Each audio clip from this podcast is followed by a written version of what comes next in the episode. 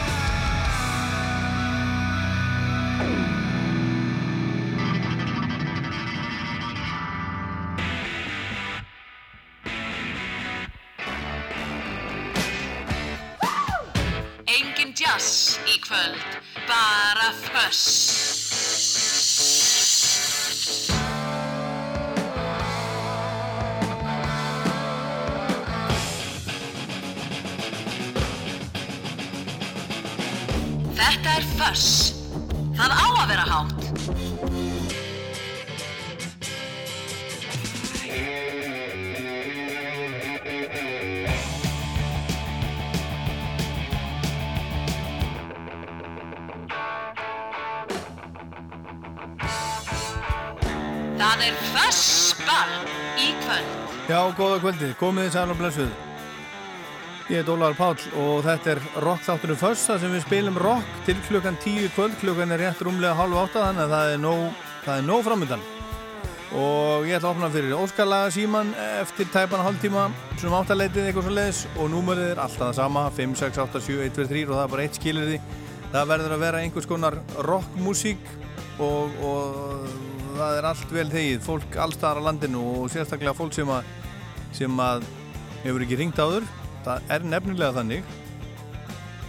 Það er, ég held að sé bara algilt út um allar heima, það er voða mikið sama fólki sem að ringir í útarpið, kemst upp á lag með þetta og svona sér að þetta virkar og þannig er í gegn oft ef það reynir. Þannig að það er, það er auðvitað mjög gott. Ég er mjög þakkláttur þeim sem að, sem að hlusta reglulega og, og, og ringja og, og taka þátt í þessu. En hafa þetta bara í huga. Getur hugsað í 25 mínútur hvað þið vilja heyra til þess að gera já, hvað þið vilja bjóða uh, öðrum hlustendum upp á í rauninni í kvöld, eitthvað gott, eitthvað gott rock. Og það er gott rock plata þáttarins, það er gott rock finnst sumum að minnstakosti og þetta er plata sem að koma út fyrir 24 árum og tveimur dögum 4. júni árið 1996 sjötta plata hljómsveitarinnar Metallica, hún heitir Load. Og þótti nú ekkert var svona ekkert sérstaklega hátt skrifuð þegar hún kom út á sunni tíma og það var eiginlega þannig að, að, að gömlu aðdáðundunni sem hafðu fylgst með frá byrjun bara þeir voru mjög ósáttir. Þarna fimm áru fyrir kom svartaplatan hún þótti mikil, mikil neysa og svo kom þessi og ekki var ekki skánaðað nú fannst mörgum, en svo verður menna að taka þetta í sátt og allavega. Og Metallica er ennþá lifandi og er ennþá að gera nýja músík, eitt stærsta rockband sögunar í rauninni. Við heyrum þrjú lög af Load með Metallica í Fuss í kvöld. Og svo fáum við lag frá, frá vini þáttarins.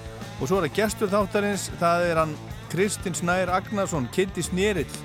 Kitty trommari, hann er, hann er að vinna við það að selja trommur og fleiri hljófara í, í tónastöðinni svona alla jafna en er líka bara einn albesti trommari Íslandsögunar var í Hjálmum þegar Hjálmar byrjuðu, hann hefur spilað með Áskeri Trausta mikið.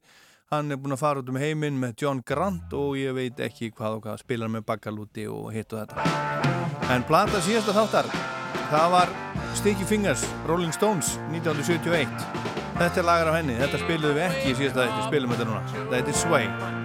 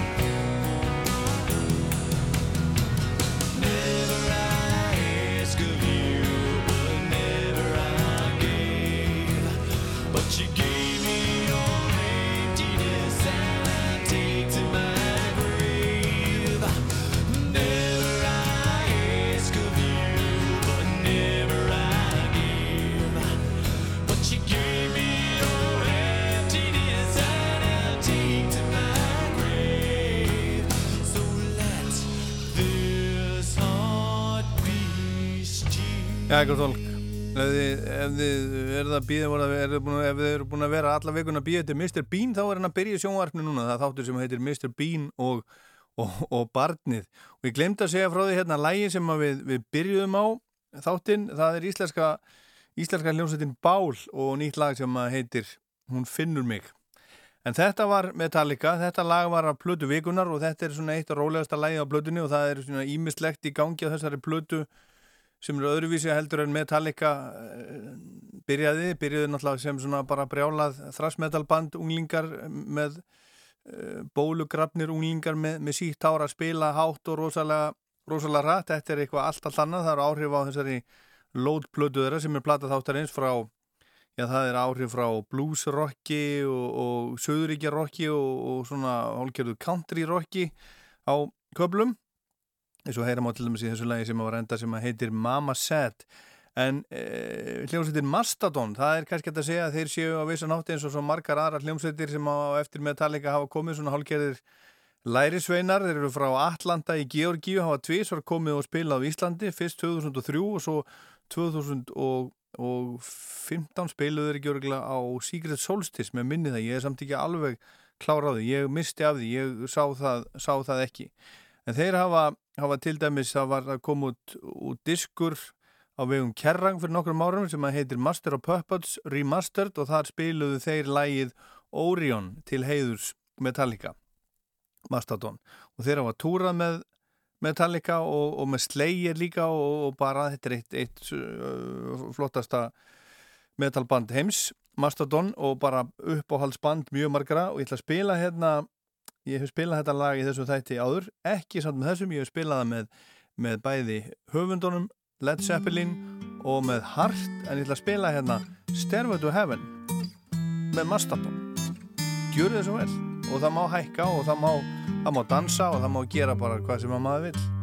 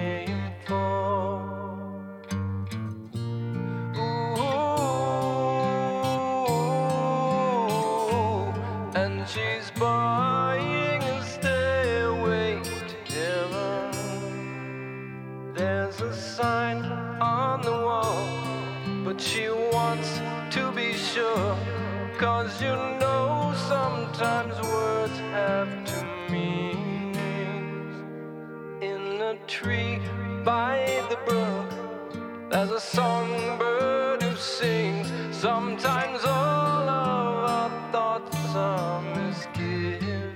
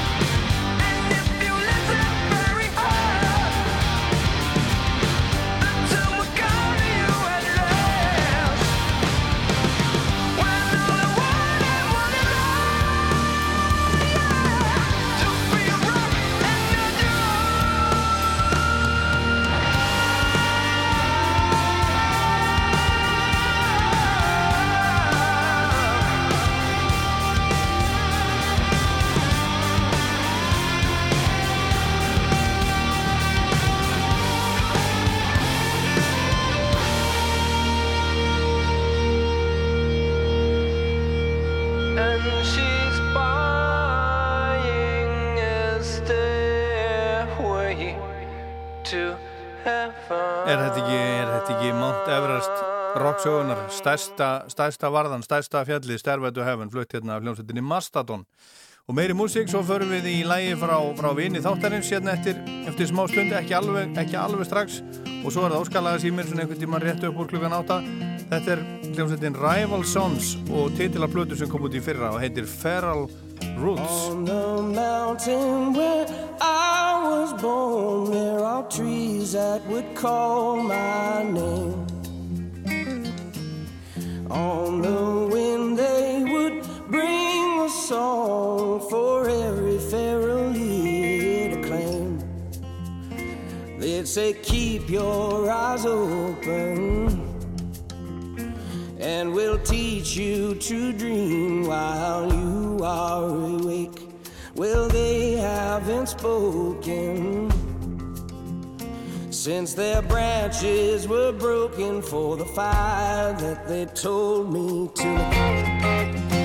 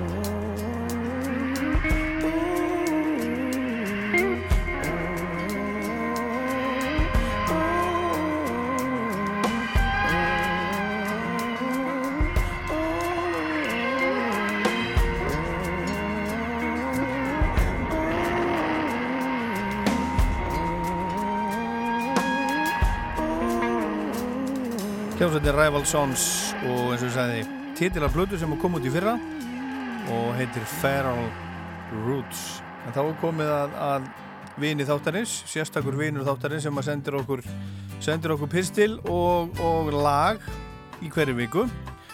Og þetta er í síðasta skipti í bili sem að það gerist vegna þess að þetta er líka síðasti först þátturinn minn í bili, ég er að fara í, í sumafrí eftir eftir þennan þátt en, en auðvitað höldum við þessu við höldum okkur strikið þegar ég kemur úr fríinu. En það er Grateful Dead að þessu sinni. Einn merkilegasta hljómsveit í amerískri rocksögu segir vinnu þáttarins er Grateful Dead. Og það er hljómsveit sem ekki hefur alltaf farið hefðbundna leiðir og menn skiptast í tvo hópa varandi sveitina. Annarkort dá menn og dyrka þá eða menn gefa lítið fyrir þessa hljómsveit og jafnvel fyrirlítana Það var hægt að skrifa langan kabla um Grateful Dead en hér verður aðeins drefið á nokkra þætti í sögu þeirra. Sveiti stopnuði í San Francisco, eða San Francisco sveðinu uh, snemma ás 1965 og gekk undir ímsum nöfnum það ára eins og Mother McCree's Upton Jug Champions og síðar The Warlocks en þeir voru svo komnir með Grateful Dead nafnið í árslokk 1965.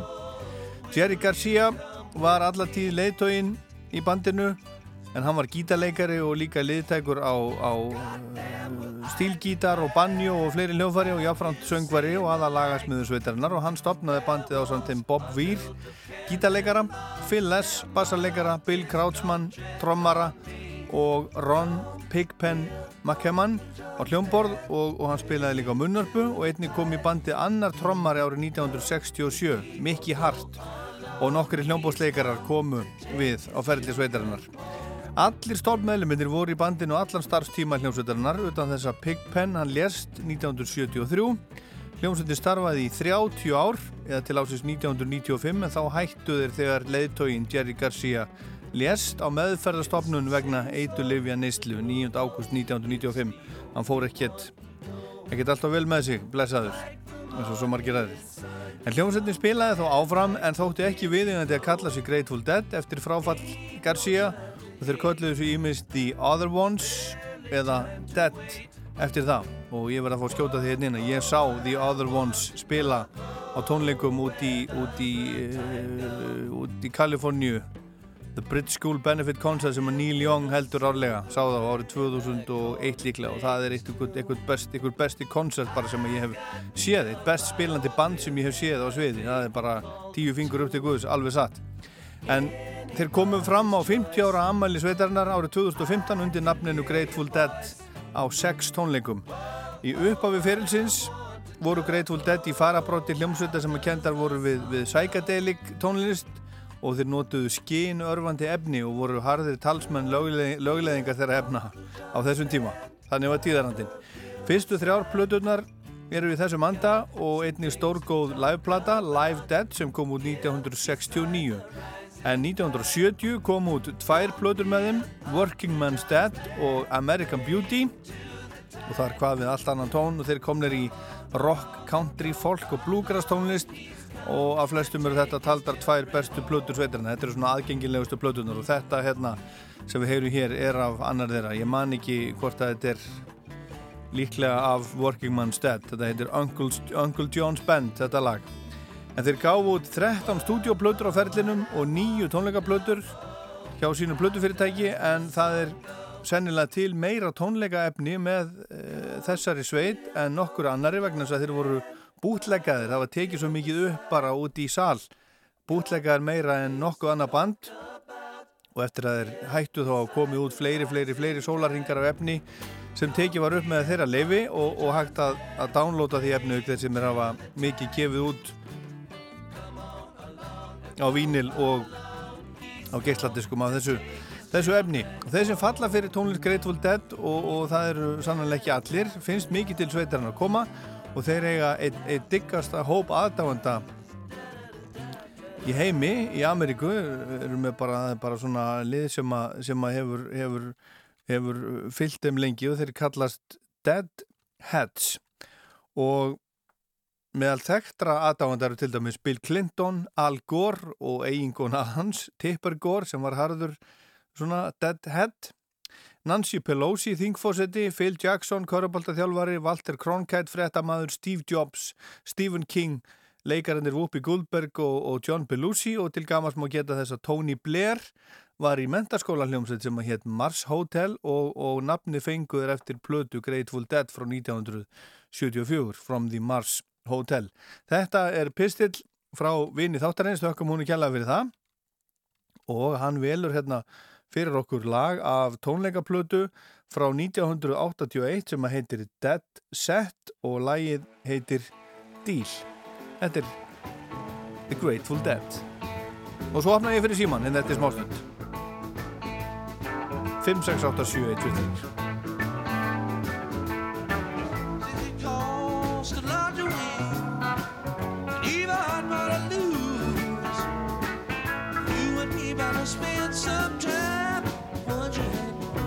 shoes.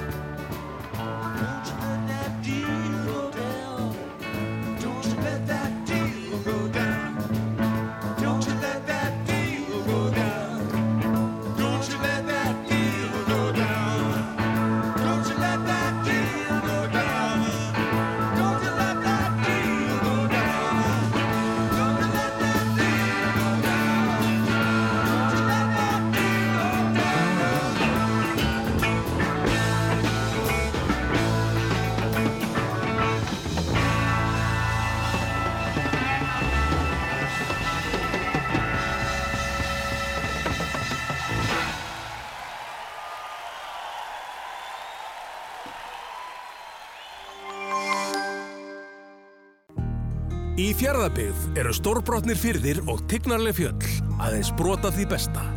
Kynntu þér málið inn á visitfjörðabygð.is Fjörður Vestlunarmiðstöð. Taxfrí dagar. Fjörður.is Karriér kælivilar á allar tegundir sendibíla og vörukassa. Kapp. Miðurhraunni 2, Garðabæ.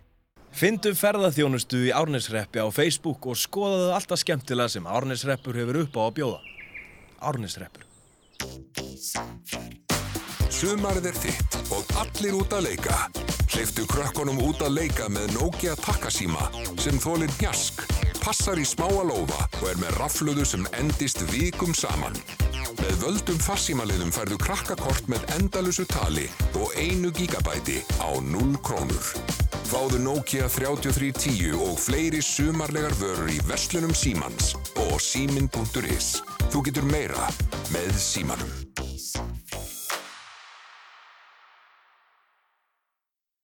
Latin er kominn á hambúrgarafabrikuna. Hann býður eftir þér glóðar grillaður og skelli hlæjandi.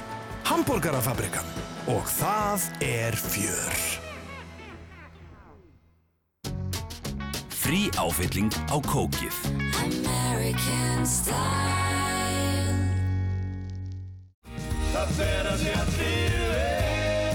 Húsasmiðjublaðið er komið út. Allt fyrir pallin, garðinn og heimilið á frábæru verði fyrir þig. Húsasmiðjan fyrir þig í allt sumar. Úla Lamb. Um helgina er lambagrillkjöt með 51% ofurafslætti í netto. Ekki missa af þessari verðsprengju. Sagan er sönn, fréttinnar eru réttar, potturinn stefnir í 70 miljónir. Lotto, leikurinn okkar. Vandar því bókaldskerfi áskrift? Microsoft Dynamics NAV er eitt mest selda bókaldskerfi landsins. Kynntuður málið á naváskrift.is. Væs. Hjá Flugger færðu allt í málningarverki. Flugger litir. Örug hýsing og hagkvæmur rekstur upplýsingakerfa. Advania. Samstarfsaðili þinn í upplýsingatækni. Fáðu frelsi til að blómstra. Landbúnaðarháskóli Íslands býður upp á fjölbreytt nám á sviði gardirkju og fægrun umhverfis. Umsóknarfrestur er til 15. júni. Gleraugu þurfa ekki að takmarka þig, ákveða hver þú ert eða hvað þú gerir. Fáðu fría forskóðun hjá Sjónlag og opnaðu augun fyrir frelsinu. Sjónlag, auglegnastöð. Kondu með gítar, kondu með nesti, kondu með góðaskapið og kondu með söngbók. Ísland, kondu með. Þartu að endun í að tölvu og fjarskiptabúnað? Hafðu samband og við ráðum þér heilt. TRS. Ein heild í þína þáu. Kombotilbúð á Grill 66, El Rino, franskar, kók og eitt sett á 1190. Grill 66. Við erum á Ólís. Meiri músik, meira þöss.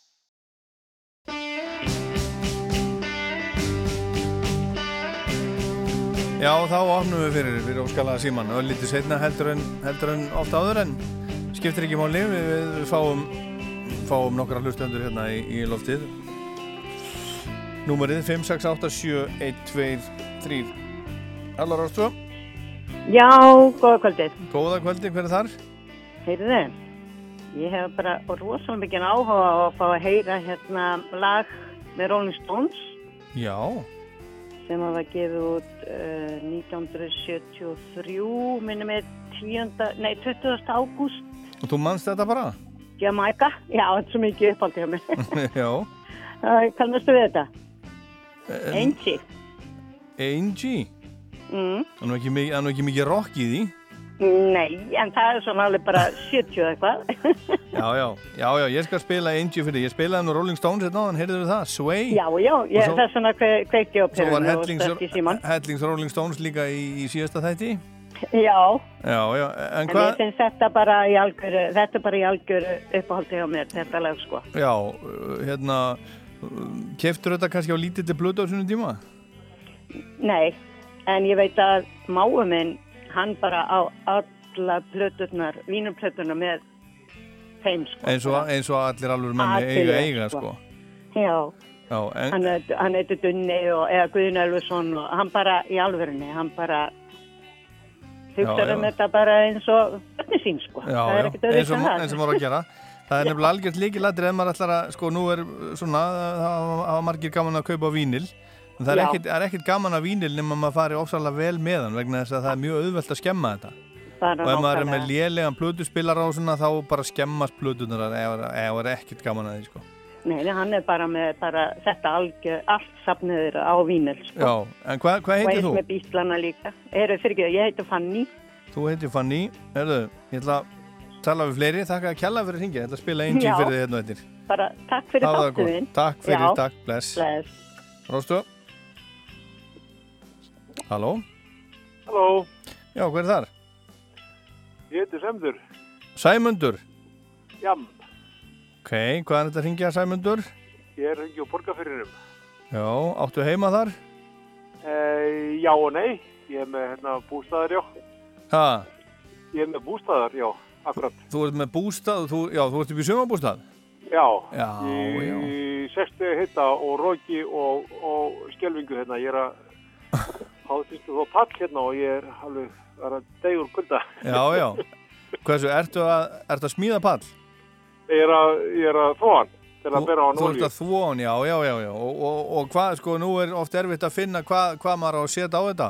Ertu, Já, ég er náttúrulega búin að finna eitthvað galdræðni sem á að duga í ykkur ár en þetta er náttúrulega alltaf mann samu olíföldi sem að búin að bera á duga þessi ár. Það virkar ekki neitt. Já, en er þetta ekki bara eitthvað sem maður þarf að gera einu svona ári? Bara að kaupa einhverja svona létta palla olíu og Jú, ég held það líka. setja á þetta Svo á hverju það bara ári? að drífa þetta bara. Já, já. Þetta er heilmikið, heilmikið föndur, það er, það er ekki, það er ekki tekið út með sældina þegar sólpall Nei, það er sko Ha. ekki gott. og, og, og svo er menn að smíða þetta stórt sko. Ég var einmitt í þessi fyrra sumar að smíða pall sko. Svo er ég farin að hafa ágjörðað strax að það þarf að bera á þetta allt saman. Já, þetta er allt og mikið. Það, maður, þegar maður er gammal maður og þá, hérna, þá er þetta er mjög erfitt að standa í. Já, já. Herðu, en hvað getum við nú spila til þess að létta þig lífið? Ef þú átt hérna gömlu eh, grúppuna, hérna, ég held hún heiti Svít, hérna, sem var með Ballroom Blitz, áttu það til? Já, sjálfsögðu. Það er akkurat það sem að, þá fer maður í, sko, þá tjónast maður upp, sko, í fældina, sko. Þá, þá hérna, það, það hjálpar þér, segir við í þessu. Það verður þá, verður ákvæmstum trúlega betri. Já, já. En hérna, grillaður eitthvað á þann eða? Nei, ég var ósku slagur. Já, já. En, en þú Það fer hefur... allt í þetta að maður er að halda sér hita hérna úti að, hérna, en segi, hérna er alveg, þó sé, ég er ábyggilega mjög gott yfir í bænum, en það er hér, sko, bara kuldi og það er- maður stunduð vekk þá er maður góður, en annars er maður bara ískaldur og Já. Svakalegur. Áttu mi mikið eftir af þessum þótti? Nei, nei, ég er að vera látt komin, eða svona, já, svona kannski uh, hálftíma eftir. Já, já. Og, og ætlar að setja, setja á þetta svo á morgun? Já, það, það er svona planið, því að ég skipta spáin sér þannig að svo að fara að regna eftir helgina. Já, já. En er það, er það nóg? Ég menna, þú veist, ef þetta er renn blöytt í kvöld, heldur að þetta, þetta verður orðið nóg að þurft á morgun til að bera á og þetta? ef, að- ef, að- að þarna er ekki þessu roki hérna og, og hita, eða sem til kulda, þá fyrir fyrir sér helvítið það gerir, það hlýtur að gera. Herðu, gangi er, gangi er allt í hægin með þetta. Takk fyrir ekkert Allt í vina, takk fyrir að ringja. Ok, Bless. bye bye. Rástu? Halló? Halló? Halló? Halló? Er það fyrst? Já, rosalega heyri ég eitthvað illa í þér. Það er svoleið. Já, það er eins og er þetta? þetta er miklu betra maður. Jæja. Hver, er- hver er maðurinn? Guðmundur heiti ég. Hvað ringið þú? Ég ringi bara hérna á þjóðveginum. Já, þjóðveginum hvar? Ég er að koma hérna Norðróðalinn. Já, já, ég var þar í bara, var bara um daginn. Hvað, býtum við? Uh, síðustu viku? Nei, það er síðustu viku. Já, alltaf að ferðinni. Ha, já, já, maður, að maður að glíma stundu við þjóðvegin. Já, maður ekki að Herðu, er en hvað-. Já, hvað hva, langaði að þeirra? Bring it on með Nick Cave og Bad Seeds. Já, það verður ekki til þess að þú fara að gefa í. Nei, alls ekki. Voru að fara að rólega. Réttu með strikið. Réttu með við línuna. já, já. Herðu, bring it on fyrir því Guðmundur eftir smá stund. Takk fyrir að ringja. Takk. Bless, bless. bless. Rástu? Halló? Halló, Já, hver er þar? Torfi heiti ég. Þú heitir Torfi og þú ert að keira einhvers staðar, heyrist mér? Já, ég er hérna á leiðinu Rángavelli, Hversu, þú ert að leiðinni upp Rángarvelli. upp Rángarvelli og, og veist hvert þú ert að fara? Já, nokkurn veginn. Já, ert að fara í sumabústað eða heimtíðin eða? Ég er að fara í sumarbústað sem ég á hérna upp í landi Haugandals á Rángavellum. Já, já, já, já, ert að fara að bera á pallin eða? eitthvað Nei, svoleiðis? ég ætla að fara að taka ég rólega núna. Já, Svona rók hérna. já. Herðu, en hvað hérna langar þið heyra? Ég var að hugsa um hérna Lokomotiv Brett með Jethro Tull. Já. Það er, eitthvað. það er bara mjög gott lag, sko. Herðu, það er komið á blað. Já, Takk fyrir hingað, Dorfi, hafa það gott. Bless. takk. Og það var það síðasti hlustandinn í kvöld. Hver er þar? Já, góða kvöldið. Já, hver er þar? Það er steinast ég. Steinar, já, hvaðan ringið þú? Hornafjörður.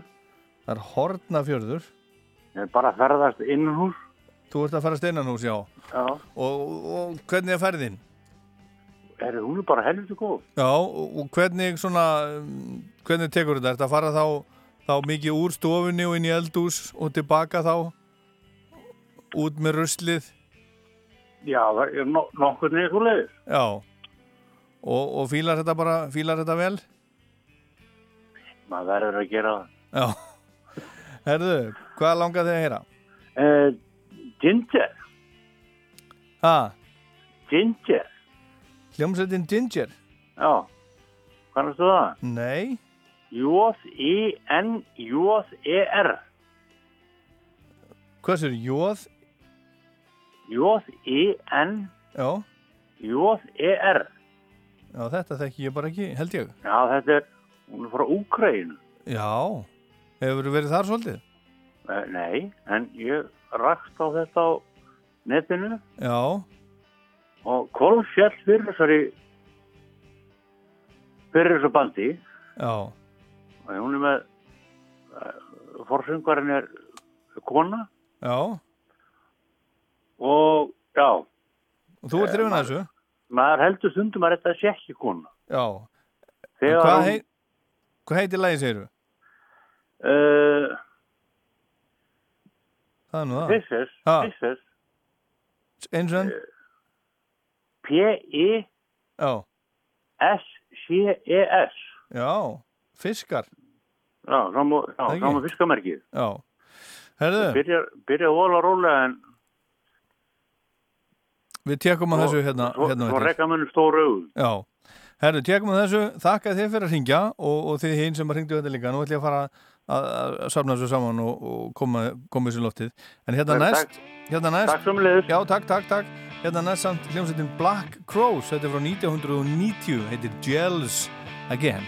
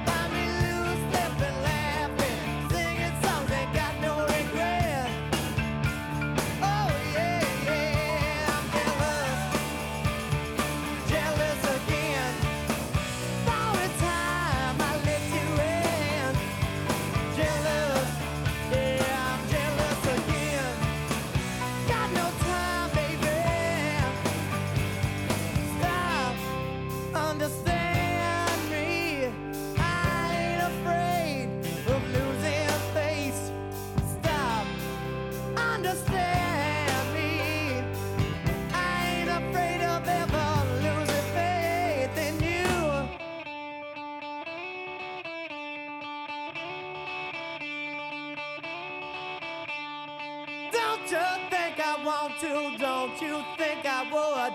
Don't you think I'd tell you, baby, if I only could? You might acting crazy, you might just too proud, you might just plain lazy.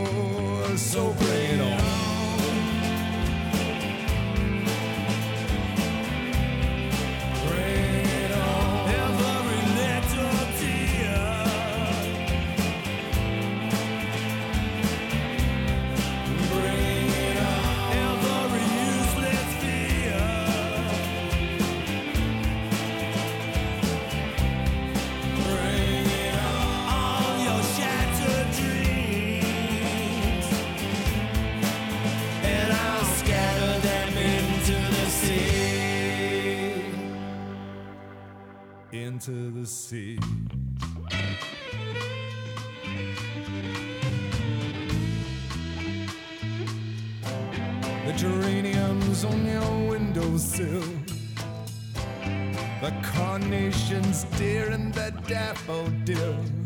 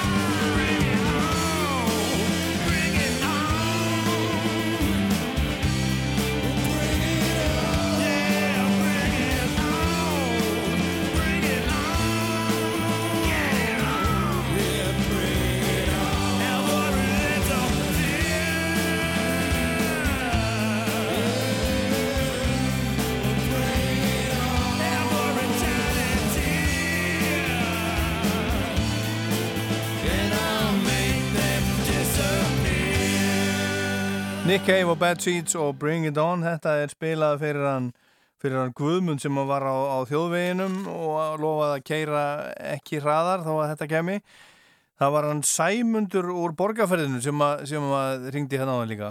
Þessi, þessi sem ég talaði um með tvö. Ég gleymd að skrifa hvaða lag hann vildi, vildi heyra. Ég Þannig ósk eftir, eftir hjálp frá ykkur, gott fólk, ef þið getur sendt mér skilabóð til dæmis á, á Facebook, getur sendt mér tölvupóst á olipalli.ruf.is, þið getur sendt, senda inn á, inn á, skrifað inn á, uh, inn á fyrstbókarsíðu Rásar 2, bara hvað sem er, ef að þið munið hvaðan sæmundur og borgarferðinum vildi fá að heyra hérna. Ég er alveg stólið um og ég glimti, glimti hreinlega að skrifa það niður. En Ég man að hún Fanny sem að ringdi hérna fyrst, hún vildi heyra Rolling Stones og heyra það hérna eftir smástund en eða munið, Sæmundur og Borgarfjörðinu hvaða lag það var, reynið að koma þeim upplýsingum einhvern veginn til mín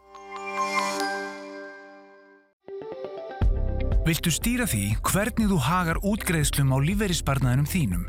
Kíktu á frjálsa lífeyrissjóðin á frjálsi.is Haffi, hætt að rempast við að vera pottakongur. Ég er pottakongurinn. Bæn, heiti potta.is. Leitið til löggildra pípulækningamestara. Félag pípulækningamestara. Vel hirtur bíl eigur ánægju eigandans. Hreinsum og bónum bílinn á sjö mínútum meðan þér býðir. Bón og þvottastöðin grjóthálsi. Rótþrær og brunnar, pottagrindur og allar lagnir fyrir bústæðin. Fagmannaverslun húsasmiðuna. Fyrir þig. Hlaupum saman 13. júni. Sjófa kvennarhlaup ISI. Hvor sem þú segir salerni eða klósett, þá er víst að eitt mesta úrval landsins af þeim er í Bíkó.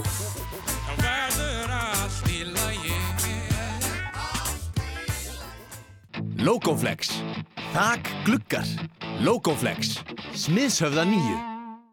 Sumarblómin, matjúrstyrnar, sígrænu runnan og rósirnar færðu í Garðheimum. Velkomin í Garðheima, þar sem úrvalið er. 70 miljónir Einhver. Halló. 70 miljónir hérna. Einhver sem vill. 70 miljónir í bóði Lotto. Leikurinn okkar. Við fellum niður lántökugjöld við fjármögnun bíla sem ganga yngöngu fyrir rafmagni eða öðrum 100% endur nýjanlegum orkugjöfum. Kynntu þér græna bílafjármögnun. Arjón banki. Fyrir framtíðina. Villi bráða kryttuðu lambalæri sniðarnar frá kjarnafæði smelt passa á hvaða grill sem er. Veldu gæði, veldu kjarnafæði. Kjörvari. Viðavörn fyrir íslenskt viðufar. Kjörvari frá málingu. Þegar lífið færir þér sítrónu, þá er bara að töfra fram sumardrykk.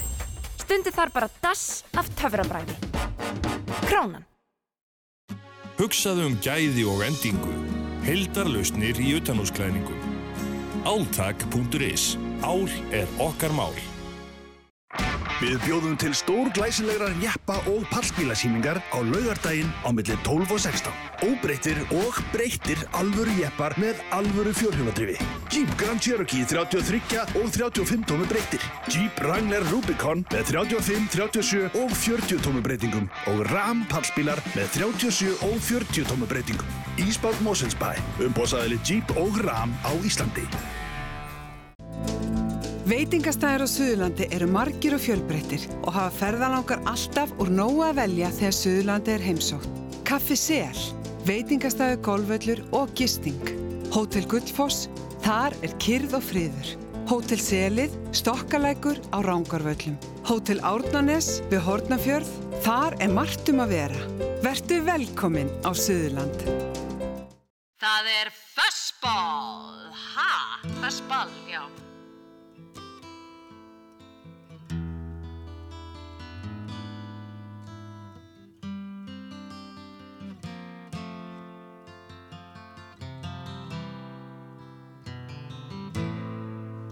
angel,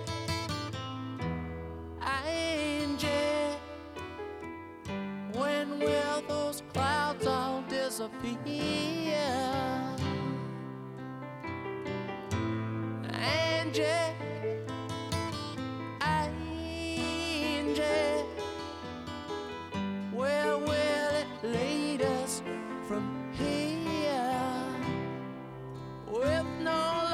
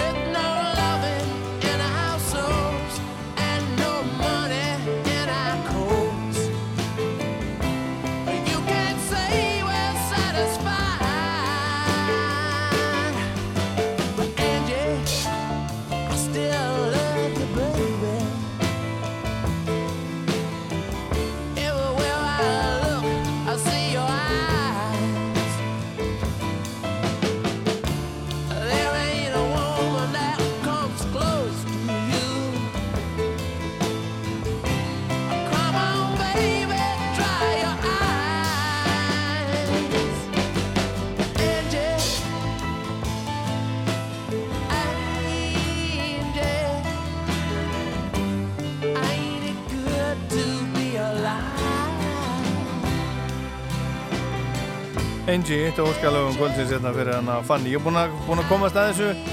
Ég uh, glemdi ekki að skrifa niður hvað lagi heitir sem maður vildi heyra hann Sæmundur borgarfyrir. Ég bara skrifaði þetta í svona rugglaði, rugglaði því aðeins. Þannig að ég er með lagi á hreinu. Það er Sweet Ballroom Blitz. Ég ætla að spila það hérna á eftir. En nú er komið að lagi nr. 2 sem við heyrum að plötu þáttarinn sem að er platan Load með Metallica sem að koma út fyrir 24 árum og tveimur dögum kom út 4. júni 1996 og það skal sagt strax að Load hefur aldrei þótt eina betri plötum Metallica.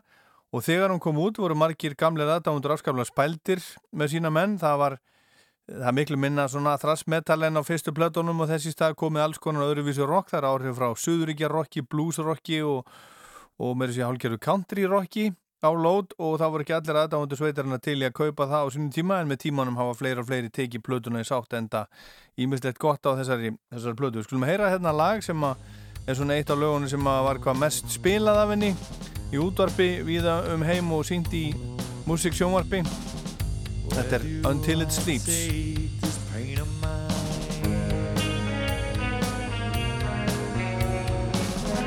I run, but it stays by my side.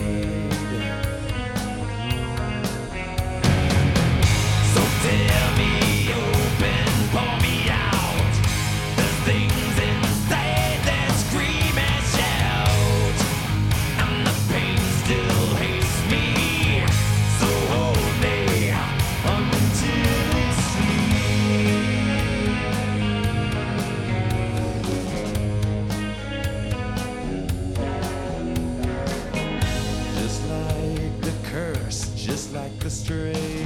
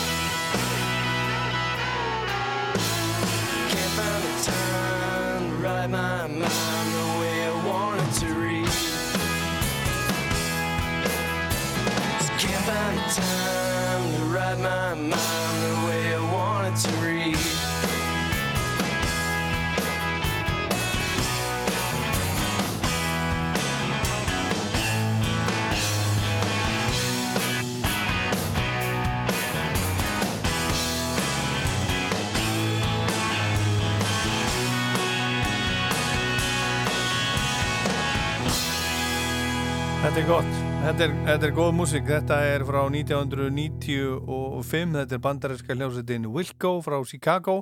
Að fyrstu plötunni sem heitir AM kom út já, 1995, ég, ég lakkaði eitt lítinn glögga í dag og hlustaði á þessa, þessa plötu frá uppáttilenda og það var, þeim, það var góð, það var góð stund, ég get sagt ykkur það, góð stund. Hérna næst, þetta er, þetta er aðeins eldra, þetta er á plötunni Loaded með Velvet Underground kom út 1973 þetta kom líka út á bjelliðinni á smáskífunni Sweet Jane í ágúst 73 þetta er Rock'n'Roll Jenny said when she was just five years old there was nothing happening at all. Every time she puts on the radio there was nothing going down at all. Not at all. Then one fine morning she puts on a New York station. You know she don't believe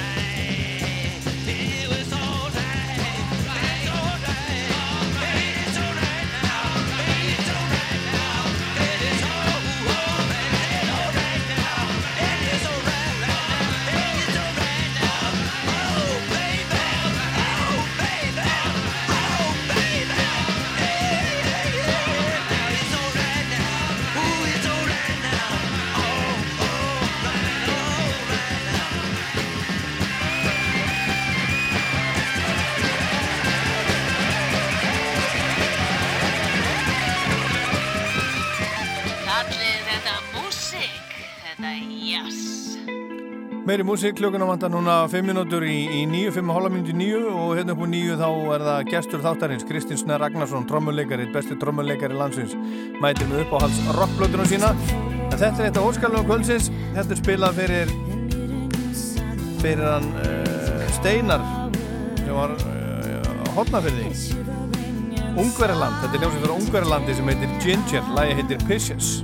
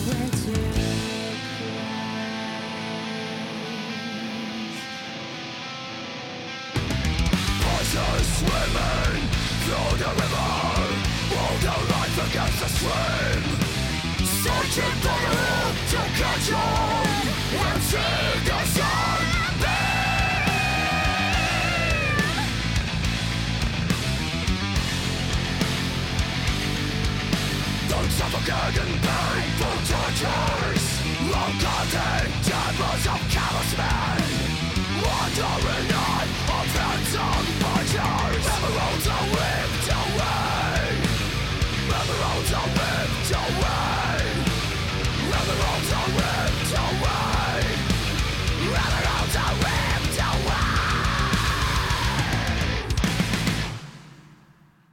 dass í kvöld. Bara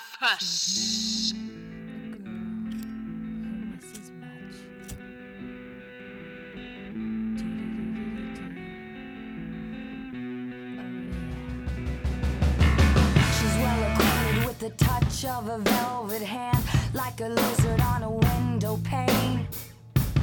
Man in the crowd with the multicolored mirrors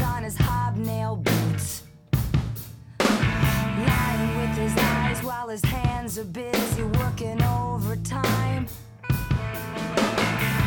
soap impression of his wife, which he ate and donated to the National Trust.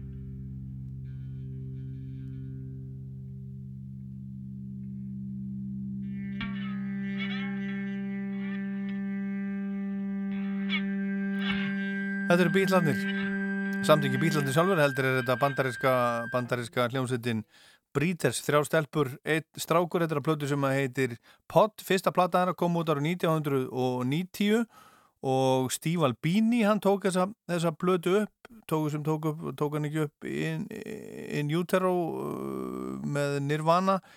Og sagan segir að þetta sé hafi verið eina uppáhaldsplötum Kurt Cobain, þessi plata með með pott, þarna voru, þarna voru Kim Deal sem að söng og spilaði á gítar, Kim Deal úr Pixies og þarna var Tanya Donnelly úr, úr hljómsveitinni Throwing Muses og þetta, þetta, þetta þótti þetta þótti gríðilega gott á svona tíma og, morgun þykir þetta en þá auðvitað alveg svakalega, svakalega gott. Hérna þetta er smástund gestu þáttarins Kristinn Snær Agnarsson, eitt besti trommuleikari landsins og þó við að vera leitað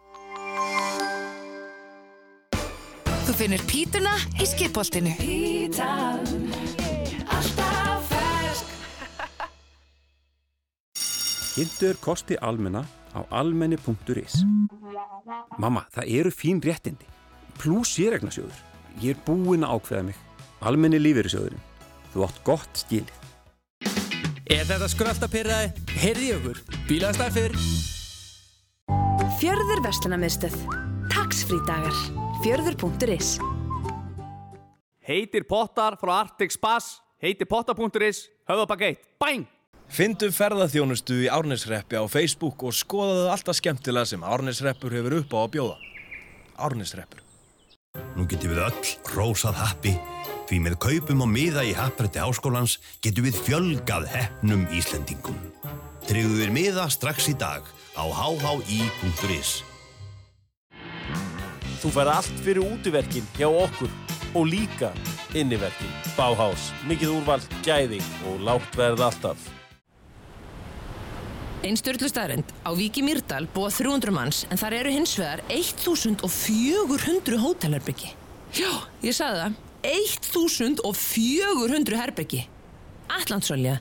Lekillinn að skemmtilegra og ódýrara ferðalagi í sumar. Örug hýsing og hagkvæmur rekstur upplýsingakerfa. Advania. Samstarfsaðili þinn í upplýsingatækni. Sumarháttíð Heklu verður laugadaginn 7. júni millir 12 og 16. Bæjarins bestu pilsur, skemmtikraftar frá Sirkus Íslands og auðvitað eitt glæsilegasti bílaflóti landsins. Hekla hlýðir víði, virðir fjöldatakmarkanir og sóttrensa svæðin. Lökkum til að sjá þig. Hekla, laugavegi.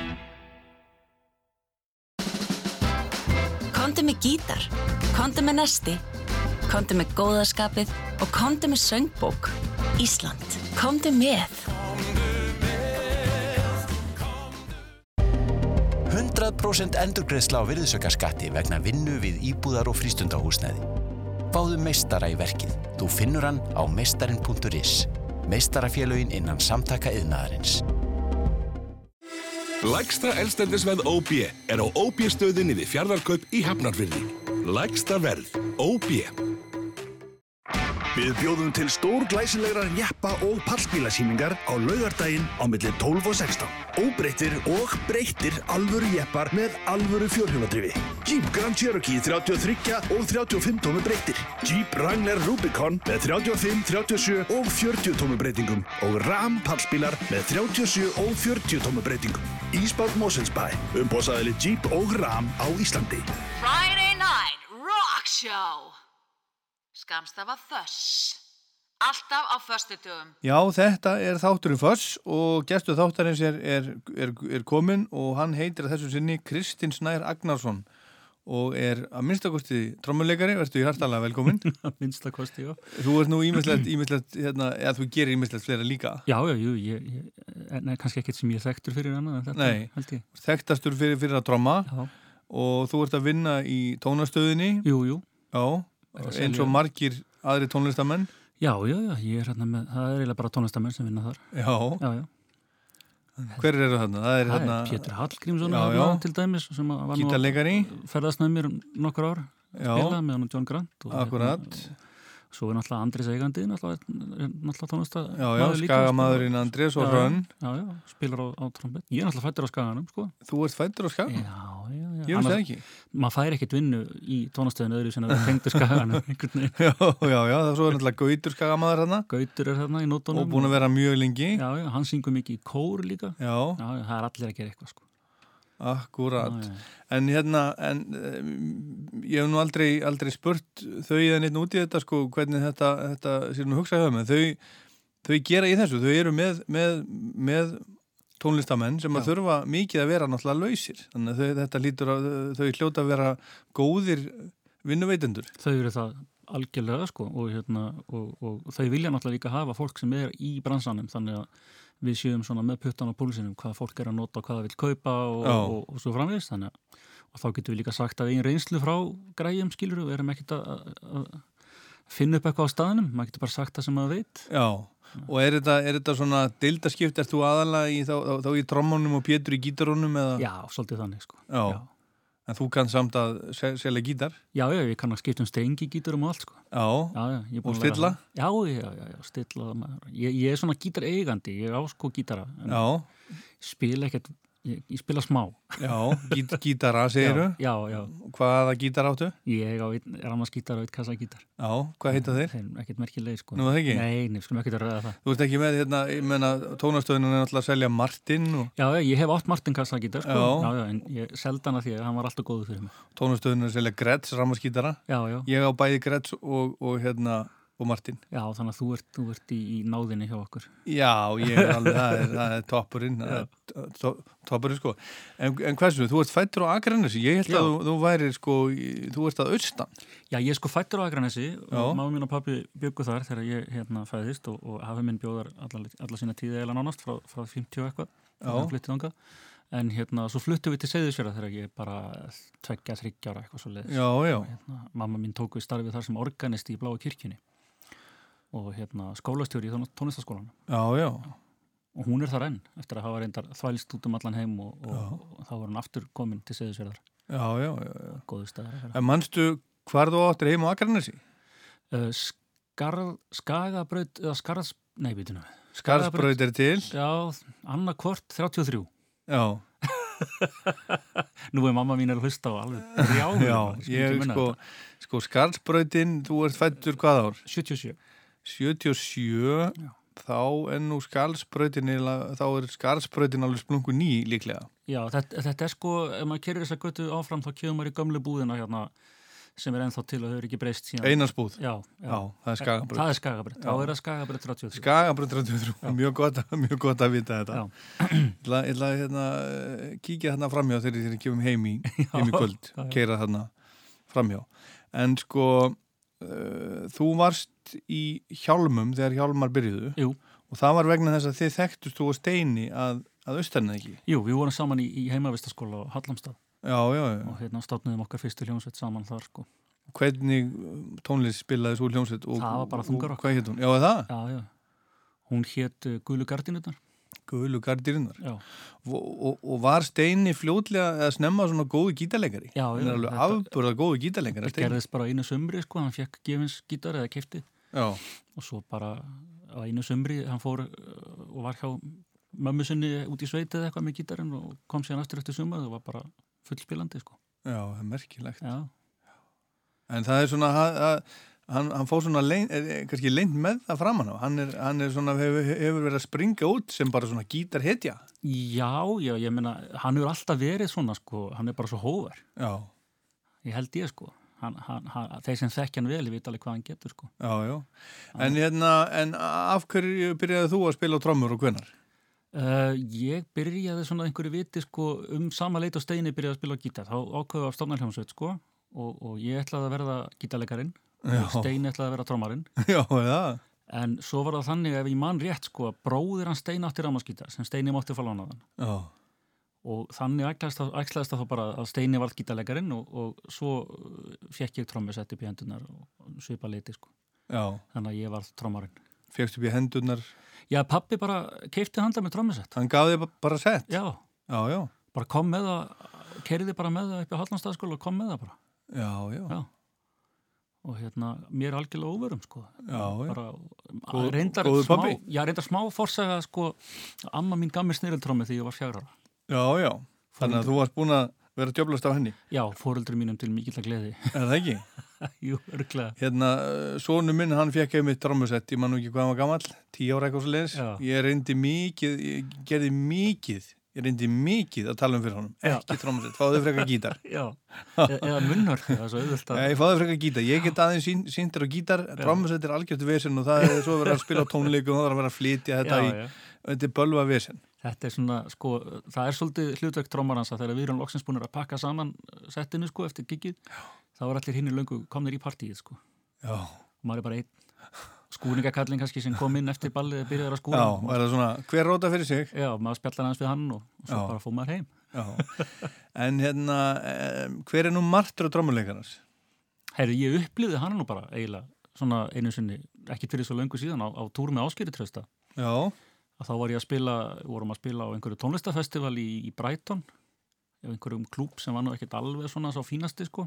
Þetta er svona svona airwaves feelingur að fullt af, af tónleikum á mismunandi klúbum, svona bransaháttíð og, og það byrjaði þannig að við komum inn á staðin og það var hana megn hlandlykt þarna sem okkur fannst nú eitthvað skrítinni, já, alltaf leið svo byrjuðum við að stilla upp og, og það eru svona plaströr fyrir ofan sviðið Já. sem við komum stað að voru klóakrör úr almenningsklósetti sem var sagt þarna fyrir ofan, þetta var svona neðan við ströndina þarna svo gerist það í soundcheckinu sem sagt að, að, að það er einhver maður hérna vegum staðarinn sem er eitthvað að að eiga við þessi rör til þess að laga þau eitthvað og rekur sér eitthvað í og dettur eitthvað upp á stiga og grípur í rörið og það fyrir sundur og, og, og, og það lag sem sagt kúkur og, og fleira sem sagt reyndar ekki beint á trómiðsætti mitt sem betur fyrir en svona nógu mikið til þess að slettist á það. Ói, barasta. Já, það, það er margt trómuleikarinn sem ég ég allavega svona, allavega, ég hef aldrei upplifað neitt verður en það sko. Nei, en þið hafi spilað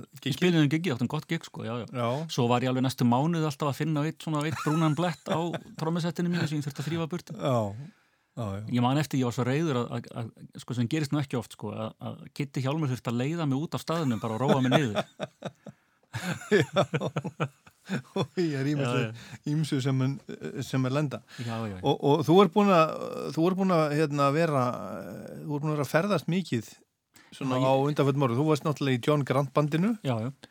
Og svo með, með Áskeri með áskeri, svo er ég búin að fara með bangang til Kína líka. Og, þannig að maður er búin að, fá, og, og víðar reyndar með bangang líka sko, en, og bara búin að fá tækifæri að fara hér og þar sko og, og Andres og, og Hrönn í tónlistöðunni þau bara gefa mönnum frí þegar þeir þurfa að fara? Já, þau eru bara þannig fólk, þau skilja bara þetta að, að hérna, þú veist, við erum allir virkir eða svona, þessi sem vinna þarna og það var nú eitt starfsmæður okkar sem var að, að fara að spila í bandaríkjunum og, náði einu gigja þannig að COVID kom sko. Já Svo þurfti hann bara að koma heim sem hver? Hann heiti Máni, Daniel Máni, hann var að fara að spila með hérna Unmiser Já, já, já, já. Leysa, Já. leysa af þar og Já, þeir, þeir náðu einu giggi þá bara þurfti að pakka öllu saman og fljúa heim Já. Þetta er bara sér, sérstakki tímar. Já. Herðu, en þú komst með uppáhalds rockplötuna eins og gestir þessa, þátt, uh, þessa þáttar gera. Já. Áðurnum förum í það. Já. Þá ætla ég að spila, þá ætla ég að spila eitt lag sem Ok. við ætlum að finna út úr í sammenningu núna, Já. vel í sammenningu, sem hefði geta verið af plötunni sem þú hefði komið með ef þú hefur ekki komið með þessa. Já, ég hugsaði svolítið um þetta í gær, þú sagði mig frá þessu að hérna, ég, það valið stóðið á milli tveggja platna sko. Já. Og það var þessi sem við erum með. Svo er hljómsveitnefnilega sem heitir Jellyfish, sem ég ekki hvort þú Já, þekkir. já, sem að er Hef ekki hlustað mikið á þá. Band sem ég alveg elska út af lífinu sko. Þeir eru nú svona kannski uh, pop-rock sko, en, en, en þó alveg með ramaskíturum og, og, og svo leiðis. Undir miklum áhrifum af kannski Queen, maður hefur svona Queen-rattanir og, og, og líka svona Beach Boys á köflum sko. Já. Þannig að það er plata sem að var, mjög nálægt í að koma með sko. En hérna, það er lag á þeirri blötu sem heitir hérna The Ghost at Number One sem að hefði átt að fara í fyrsta seti. Það. fjallar um, fjallar um held ég sko um Kurt Cobain eða um allavega tónlistamenn sem eru látnir og enda í fyrsta seti eftir andlátt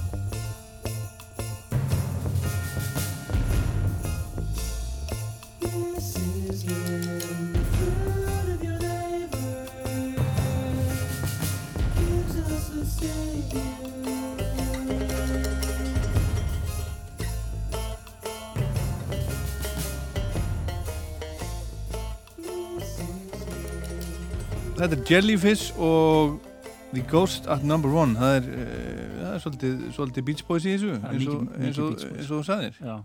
en, en líka ja, þetta á bara vel heima í, í þe- þessum þætti. Vel, vel valið. Takk fyrir. en þetta er ekki, ég held ég hef aldrei ég held ég hef aldrei spilað Jellyfish í útarpinu áður. Ná, komið tími til öll, öll mín ár. Já, það er bara frábært. og þetta er bara svona band sem ég þekki bara svona, svona aðeins. Þetta er svona band sem var einstaklega óheppið því að þegar að þessi plata kom út þá var það bara rétt áður en að grönsið og gruggið tók yfir. Og það bara hætti að vera í tísku að vera með fullt af vokalharmoníum og, og þeir voru svolítið hippalegi líka sko þannig að það voru ægilega hallarislega sko. þóttu þeir það bara, Já, bara eittur og þrýr Já, bara allt í er bara hallarislega og, og, og hérna, en það sem er gaman við þetta band er það að, að aðalsöngvarinn er trommarinn Já, já. og hann stendur þegar hann spilar, stendur við trommusettið og, og er fremstur á sviðinu. Já, já, þú, þú verð ekkert ekkert reynda að taka þér handi fyrirmyndar. Nei, nei, ég læti alla svona Phil Collins drauma bara eiga sér sko. Ég, Já, ég er mjög hrifun af trommurinn sem standa Já, það, sko, ég, ég, ég, ég nefnilega hef síðan spila sko og, og hann, hann kvílir allan líka mann bara á vinstri fætinum allan tíman og spila þryggja tíma gegn Þetta lítur að vera alveg ótrúlega erfitt sko, Já. bara jafnvægið og allt sko Já, já, ég man eftir hérna Velvet Underground. Já, það ekki? jú, jú.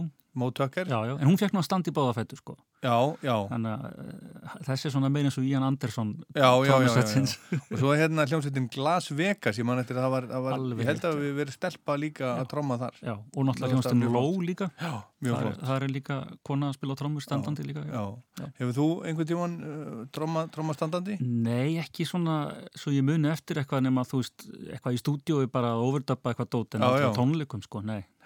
Nei, nei. Er einhverju mínusar við það?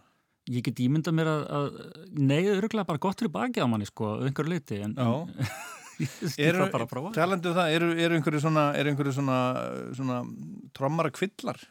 Já, já, já, það er, það er alls konar hluti sem hrjáman maður. Ég, Er það? Já, já, við erum flest allir heyrnalausir á vinstri eira. Er það virkilegt? Já, já, já, og hérna, og margir af okkur eru náttúrulega með tinnitus, og er á meðal ég og fleiri sem ég þekki og það er ótrúlega algengt sko. Já, já. og hérna, ég reyndar fekk minn tinnitus þannig að, að, að hérna, ég var út í Austin með áskýri, vorum að spila og hérna vorum að soundchecka og ég var eitthvað að stilla trómjöndar þá kom einhver aðstofamaður LL Cool J sem var að fara á sviða eftir okkur Já. og tróð mikrofónunum sínum beint í monitor til að aðtöka þetta kemur feedback og ég var rétt hjá monitorn og fekk Æ. þetta beint í eirað og, Og, og það bara söð í eiranu síðan? Já, það bara, byrjaði þá En hvað með svona liðamót og... Jú, jú, jú, þetta er allt saman, þú veist, bakið á manni og mjóbakið og alls konar, þetta er náttúrulega maður það bara að passa þetta og, og, og, en, en jú, jú, það eru margir sem eru búin að skemma sig en það er náttúrulega bara svo sem, eins og með öll hljóðfæri, sko, ef þú bæðið ekki rétt að þá Já. túban til dæmis stórhættulega, fiðlan líka þetta er miklu Já, hættulega að hérna. spila fiðlu heldur en trommur, sko Ha? miklu verið að spila fiðlu en trommur Er það virkilegt? Já, já, já, þar fara allir í öxlunum og bakinu alveg Já, hérna.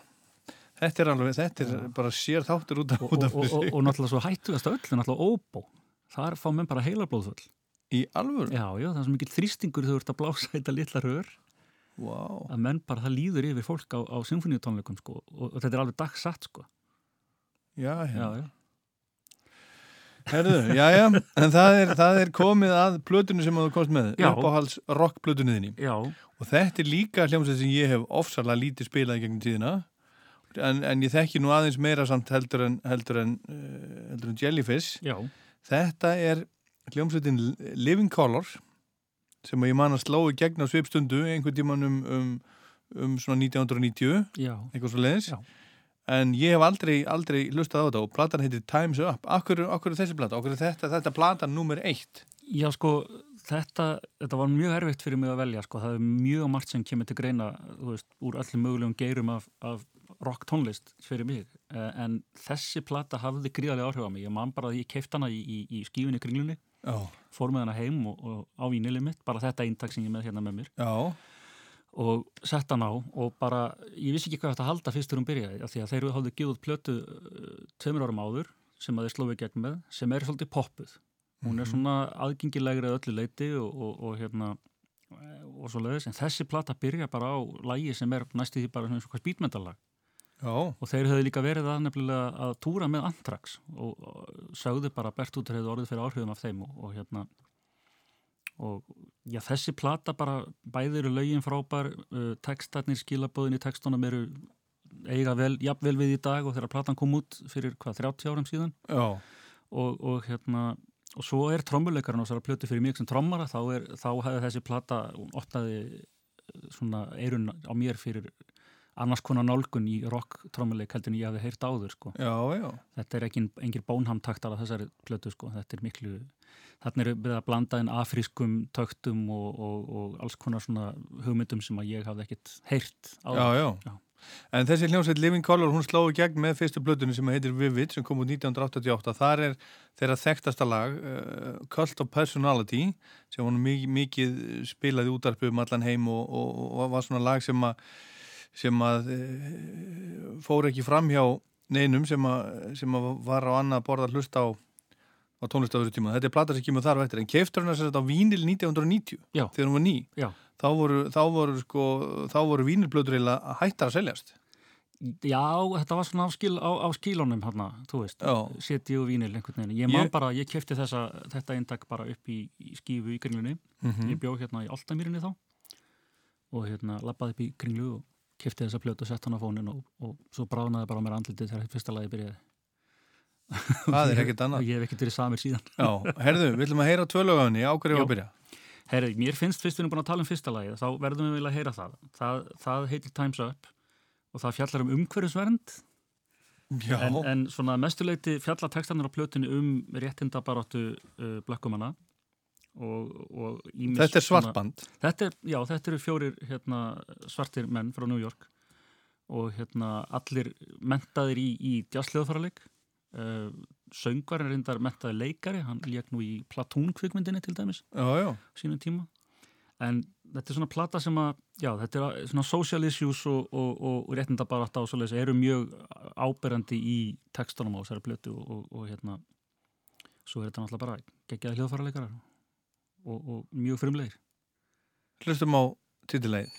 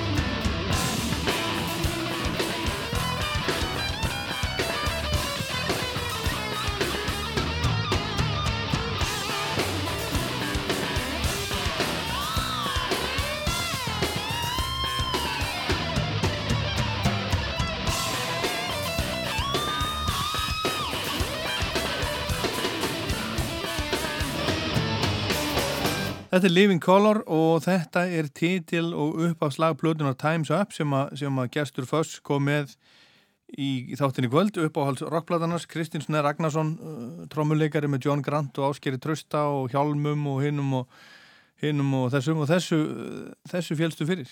Algjörlega sko, ég, hérna, þetta inniheldur náttúrulega allt sem að trommar að langar að lusta á held ég, það er taktbreytingar og, og áhugaverðar svona hugmyndir í, í trommubreggum og svoleiðis og það var svona kannski greið með fyrst sko.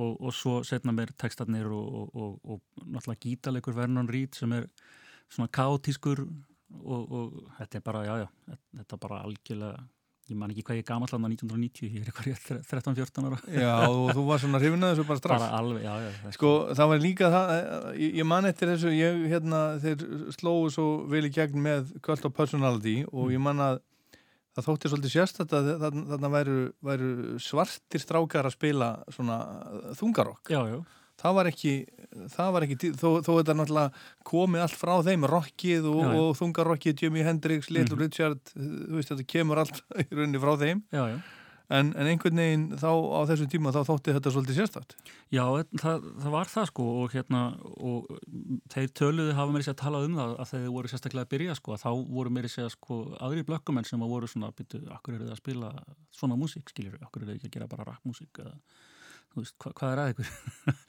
En hérna þeir, þeir náttúrulega, þeir voru náttúrulega ekkert einabandi sem var svona, til dæmis hérna hljómsveitin Fishbone líka Aha. og, og svo náttúrulega punk hljómsveitin hérna Bad Brains sem voru líka New York hljómsveit allavega held ég, ef ég hef rétt fyrir mér og hérna en, en þeir svona voru kannski þeir sem náðu uh, þessum stalli að komast á MTV, fá spilun Mhm. fengu Grammy-velun uh, og ímislegt þannig sko og, og voru mjög áberandi þarna í, í nokkuð mörg á sko Já uh, Hlustar mikið á tónlist? Já, já, ég er bara alltaf að hlusta á músík Alltaf að hlusta? Er það, er það kau, kau, kaupa músík? Kaupa, kaupa vínil? Hva, hvað keftur þú síðast?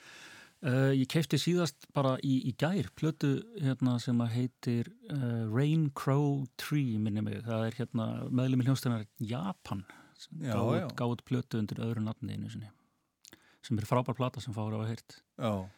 Fann hann á vínilnir í hérna, Lucky Records rosalega glaður Þannig að þú ferð, ferð reglulega þangað og, já, já, já. og safnar vínil Þetta var mér í svolítið þannig þegar ég var að túra með Pétri Hallgríms hérna og við erum miklir vínilmenn sko að Mhm. við vorum næstu í konar með sér sko ferðartösku bara undir vínil við vorum Já, að það. versla erlendis, já, já. Alveg Allir hræðilegt. öðrin í það? Já, nánast sko Já, en, en hvað er þetta hérna uh, spila í dag? Í dagina, það er alltaf búið að vera svolítið stopp út af, út af þessum, þessu ástandi sko en, en hérna, ég er alltaf að spila eitthvað með bakkalúti líka og Já. hérna svo var ég að spila inn á plötununar Heru sem að er að koma út núna bara á næstunni. Já, flott að ég er búin að heyra henni. Já, mjög skemmtileg plata hjá henni og, hérna, og svo hef ég verið að spila líka lög fyrir hann Birgi svona Stefáns það sem hann er búin að vera að slá í gegn heldur betur. Akkurat og bara alls konar, uh, þú veist Fríða Dís gátt plötundaginn sem ég spilaði á líka og, Mhm. og, og svo er maður bara svona í alls konar einu og einu lægi hér og þar Já. og í stúdíóvinnu sko Já, en þú, þú ert ekki í neittni hljómsveit eins og er mm, Sko ekkert sem að ég þóri að segja frá akkurat núna, það er eitt verkefni svona leiniverkefni sem að ég er í sem ég er kannski orðin svona meðlimur í en, en, Já, en já. það er allt svona bara í, í höss höss Já. En hérna en nei, nei, ég hef svo sem ekki verið í hljómsveit í rauninni sín ég var í hjálmum sko Já. þannig að séð, ég bara verið meira svona, úst, að spila með hinnum og þessum og, og, og svona í ýmsum verkefnum sko. Já, en hvað er nú, er, nú er þetta, já, það búið að vera þetta COVID ástand og, og eitthvað svona nú er það nú svona að, aðeins að losnum það og, Mhm. og það eru menn fannir að að bóka svona lítil gig hér og þar, er eitthvað, er eitthvað framundan? Já, í spilamennsku? ég, ég er að fara að spila með Heru, það verða tónleika með henni í bæjarbíói uh, minni með 25. júli útgóð tónleikar og svo eru bakkalútatir eitthvað ætlaði að taka eitthvað country á vestfjörðum, eitthvað vestfjörða country mögulega, eitthvað í sumar og, og svo bara fer þetta örugglega allt að gerast í haust sko Já. og ég er náttúrulega líka í jazz tríói reyndar sem heitir Hot Eskimos Já, þú ert auðvitað í Hot Eskimos, Já, það er nú skemmtileg ljónsveit. Svo, já, takk fyrir það. Svo erum við nú að spája reyndar að vera eitt um nafn og finnst ekkert fyndi nafn lengur. og hérna Er það? Nei, ég myndi halda því, mér finnst þetta það? gott- mér finnst þetta gott nafn, mjög gott nafn. en það er svona ímislegt sko ég, ég vil að spila í leikhúsi líka ég var að spila í, í hérna með hérna Shakespeare verið rostfangin var ég í líka lagi sem hún söngun GTRN Já, já. frábær sönguna þar þannig að það er alls konar Það er alls konar. já, já, já. Ekki, ekki breyta nafninu, ekki henda hot Eskimos, það er gott Ég- nafn. ég læt strákana vita, já. Herðu, setna lagi sem að við ætlum að heyra af, af Living Color. Herru, ég var að velja þá bara lag sem að heitir Pride sem Já. er samið af trómaleikaranum að sjálfsögðu og að sjálfsögðu fjallar um uh, sko hvernig hvítt fólk tekur sér menningu svartra og reynir að gera að sinni án þess að gefa kredit fyrir Já, það var margir gert það, eins, eins og Elvis og það er lagablutin sem heitir Elvis is Dead. Jú, jú, jú. Og það er Little Richard gestur. Já, já, hann syngur um, uh, sko, það fjallar reyndar- um, sko, fólk sem er að reyna að græða peninga á einhverjum sem er ekki lengur til staða, sko, látin, reyna að græða peninga á minningu einhvers. Því þeir eru alls ekkert á móti Elvis, skilur þetta er Já. ekki það, er meira svona kannski, þú veist, fólk er að tilenga sér einhver tísku og fata val og, og eitthvað svona og, og, og vilja sinni kannski ekki alveg svona culture, hvað hva, hva, hva, hva segja þér, cultural appropriation, er það ekki það sem menn tala um í, sambandi við þetta? Nú kemur einhverju leið rétti mig á eftir. Mhm. bara nei, það er ekki, heitir ekki þetta. Já. en já, þetta, þetta er svona þessi plata snýr mikið að svona alls konar svona samfélags uh, hlutum sem að, sem að þeir hafa upplifað náttúrulega verandi svartir menn í, í bandaríkjónum þannig að opnaði svolítið augum mín á sínum tíma því að ég var svona gaurinn sem las alla texta alveg, þú veist Já, og, já. og lá yfir öllu, skoða alla myndir og plötu Ég er ekki vissum að það sé algengt með trommuleikara, þeir séu að hlusta texta mikið. Já, ég veit það ekki sko, en ég, ég hef alltaf verið þannig að ég las alla texta og hver pródúsir og hvað þetta var tekið upp og allan þakkalistan og, og skilur allt þetta á plötunni og, já. og hérna, ég myndi segja að þeir hafi svolítið opnað augum mín fyrir svona þessum svona þeirra sjónarhóttni á þessa hluti, maður náttúrulega, þú veist, hvítur krakki alveg upp í sjáarstarpi á Íslandi, maður náttúrulega veit ekki neitt sko, þannig að þarna kemur allt í eitthvað svona, wow, ok, já og, og það er svona, það er svolítið að djúpa áhrif á mig sko. Heyrum Pride, já eitt, hefur séð á einhvern tíman?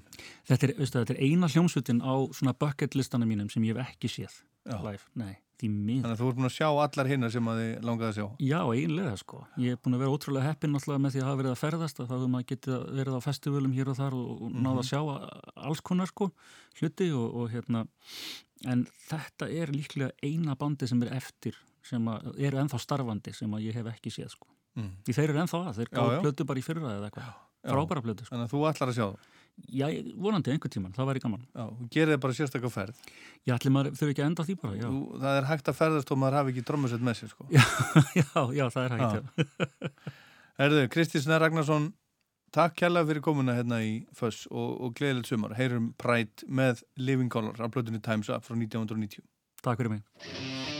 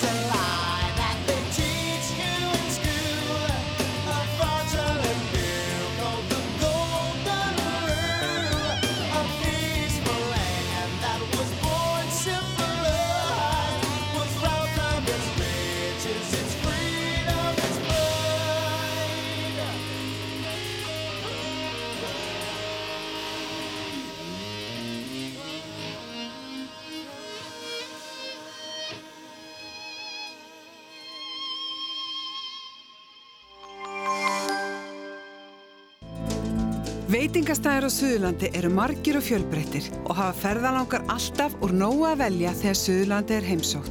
Kaffi Sel, veitingastæður golfvöllur og gisting. Hótel Gullfoss, þar er kyrð og friður.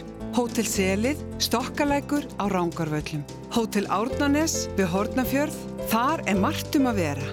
Vertu velkomin á Suðurland. Rúðuvögvin okkar er svo góður að ég ætla að láta setja mynda mér á hann. Kondu í bílanust. Hlaupum saman 13. júni, sjófa kvennalhaup ISI. Hér eru skilabóð til lagsmanna og kvenna, hestafólks og háfjallageita. Núna er tíminn til að gera góð kaup á nýjum Ægó, Yaris, Corolla, CHR, Camry eða RAV4. Ávísin og upplöfin í formi 100 til 200 úrspunna gjafabrefs hjá Ellingsen, Líflandi eða Veiðihorninu og dráttarbeslaðu auki með RAV4. Kíktu í heimsók til okkar og láttu sólina elda því í sumar. Toyota. Upp um fjöll og fyrnindi. Korni. Ævintýralegur orkubiti í allt sumar. Taktu handhæga og þægilega næringu með þér. Gullfiskur. Harfiskurinn í gullupókunum. Hvað? Ég man ekki Nei, ég man eftir Já. að þetta var í Já. loftinu Já. og þú komst með stóri strákar frá Rafloks. Og ekki átti vona á því engin okkar held ég að þetta er svona svaka Nei, og, og Kleppur var þarna eiginlega næsta hús við okkur Já. þarna í Já. sjóðahænum og þetta svona tengt. Þetta var- Þetta voruð til bara þarna niðri í kjallara. Nefnilega, í Rocklandi á sunnudaginn hlustu við á plötuna Breytir tímar með hljómsveitinni Ego sem kom út sumari 1982 með þeim Bubba Mortens og Þorlefi Guðjónssoni bassaleikara.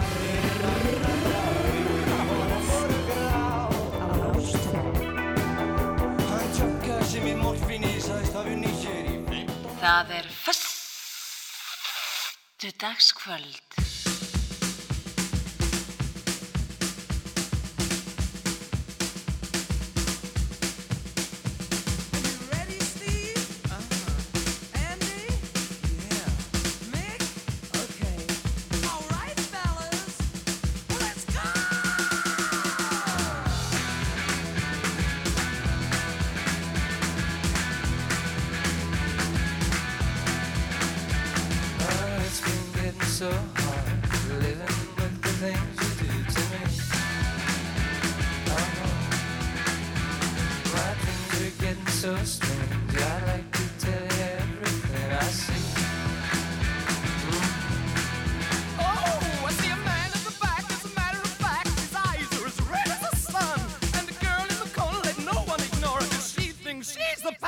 one. Oh, yeah,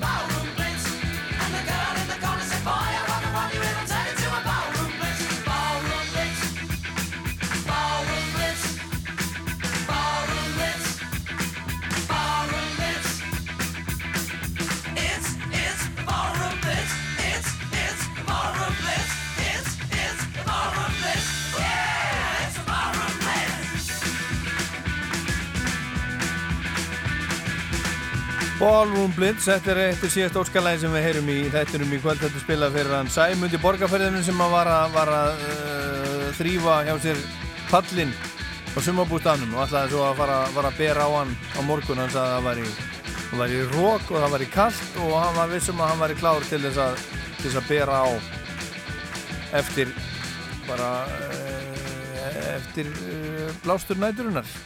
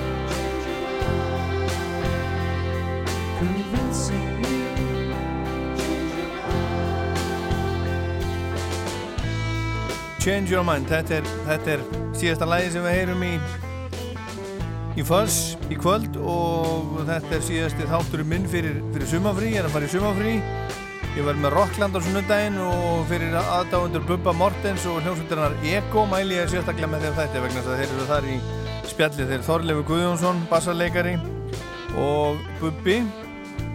Búin að, þeir eru búin að þekkja síðan voru sex ára þeir áttu heima í, í sömu blokkinni á sínu tíma vinir frá aldaðli en, en uh, það endaði þannig á svona tíma að Bubbi rak Þorleif úr Ego og það, þeir, þeir tala til dæmis um það í þættinum á sunnudaginn. En þetta er Neil Young og Crazy Horse. Þetta er að frábæri blödu sem að heitir Sleeps with Angels kom út ára 1994 og þetta er eiginlega plata sem er svona, er svona Kurt Cobain er hérna yfir og allt ykkur hún er tilenguð tilengu honum eiginlega þessi, þessi plata. Þetta er, þetta er skömmu eftir að Kurt Cobain lést og Neil Young hefur verið kallaður Godfather of Grunge Guðfæðir Gruggrocksins og Kurt Cobain hann vitnaði í Neil Young í sjálfsmálsbrifinu sínum segir skrifar Spare to burn out and fade away sem að lína úr, úr lægin hans Hey Hey My My og það voru svona ymsa tengingar og, og Hefur sagt frá því í viðtölum að, að hann hefur verið að reyna að ná sambandi við Kurt á sínu tíma áður en hann stýttur sér aldrei hann vissi að honum liði ekki vel og var að reyna að ná sambandi við hann en, en það gekk ekki. Þetta er dásamlegt lag. Þetta er dásamleg músík.